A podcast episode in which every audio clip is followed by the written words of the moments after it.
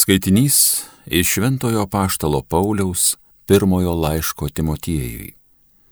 Brangusis, aš tau rašau apie šiuos dalykus, nors turiu vilties greit atvykti pas tave. Jeigu užtrukčiau, noriu, kad žinotum, kaip reikia elgtis Dievo namuose, kurie yra gyvojo Dievo bažnyčia, tiesos šulas ir atrama. Ir kaip visi sutinka, didi yra maldingumo paslaptis Jis pasirodė kūne, buvo dvasios paliudytas, pasirodęs angelams, paskelbtas pagonims, įtikėtas pasaulyje ir paimtas į šlovę. Tai Dievo žodis.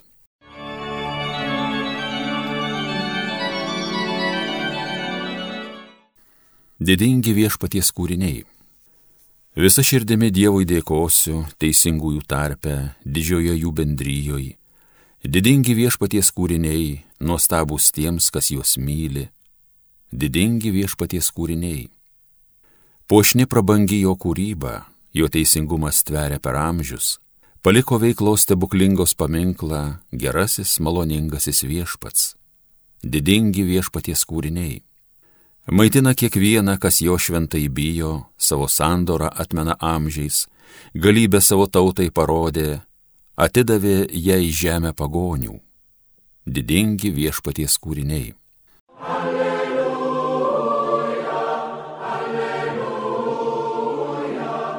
alleluja. Tavo žodžiai viešpatie yra dvasia ir gyvenimas, tu turi amžinojo gyvenimo žodžius.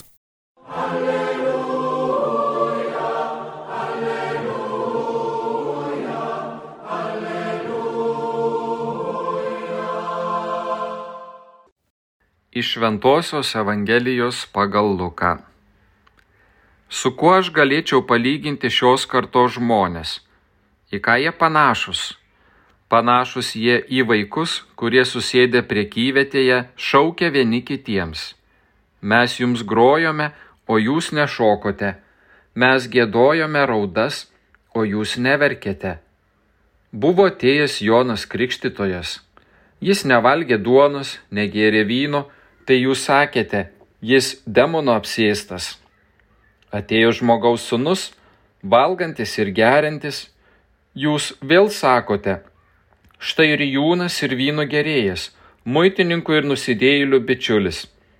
Bet išminti pateisino visi jos vaikai. Tai viešpaties žodis.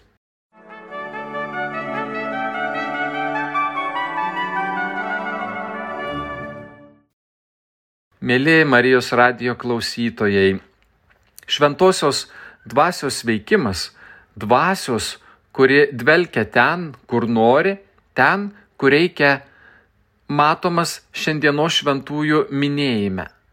Šiandien liturginėme kalendoriuje prisimename tą dvasios dvelgsmą per daugybę nuoširdžiai tikinčių pasauliečių žmonių Dievo bažnyčioje Korejos žemėse.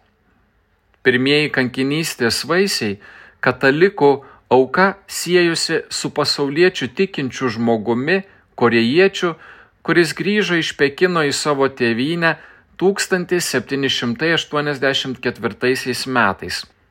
Šis tikėjimo daigas davė kankinystės vaisių XIX amžiaus viduryje, kada buvo žiauriai nukankinti drauge su jauna 103 asmenų bendruomenė.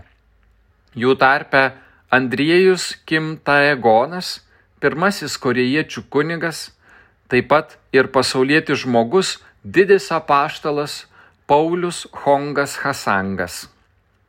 Persekiojimai tęsiasi Korejoje ir vėlesniais laikais nuo 1839 iki 1867 metų.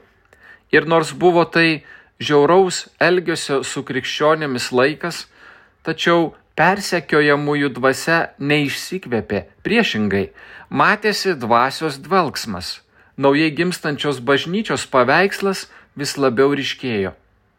Šie kankiniai paliko ypatingai gilų antspaudą rytų kraštų valstybėse, kalbėjo paprastą kalbą ir visiems suvokiamais pavyzdžiais Ypatingai gilų pėdsaką paliko kunigo Andriaus prieš pat kankinystę pasakytas pamokslas, analizuojant šventojo rašto ištrauką apie gerą įsėjėją.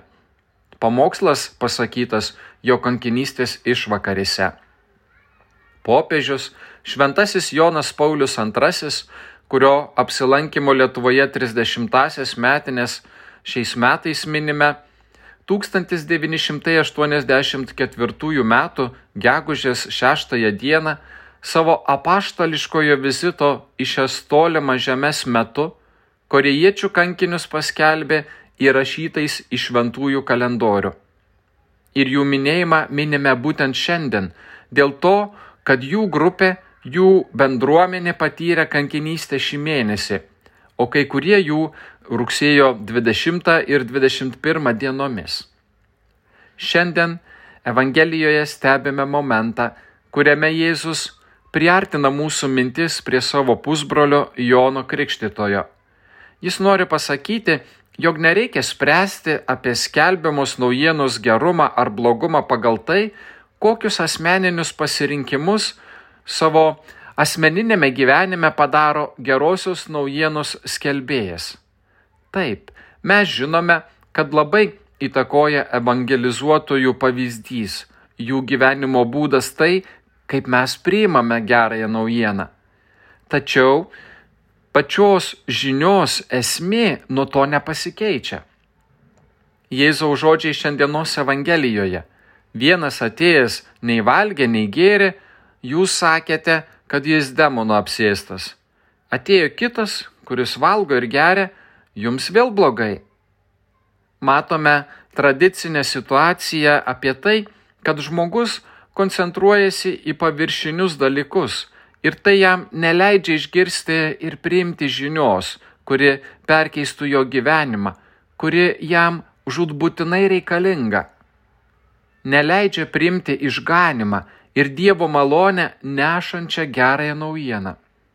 Taip, Evangelijos skelbimas gali būti grėsmingai skambantis, toks kaip mums girdisi, skaitant pavyzdžiui Jono Evangeliją, o galbūt ir džiaugsmingas, žaismingas, kokį regime Jėzaus atveju. Tačiau abu atvejai kalba apie tai, kaip Dievas susitinka su manimi. O aš, kaip aš išgyvenu savo tikėjimą. Ar aš linkęs kurti Dievo vaizdinį tokiu, kuris pateisintų mano netikėjimą? Ar kuriu tokį Dievo įvaizdį, kuris man leistų prisijungti prie Evangelijai abejingos kartos? Šiandien leiskime skirtingiams Dievo kalbėjimo būdams prakalbinti mūsų širdį. Atraskime gerąją naujieną. Amen. Garbė Jėzui Kristui.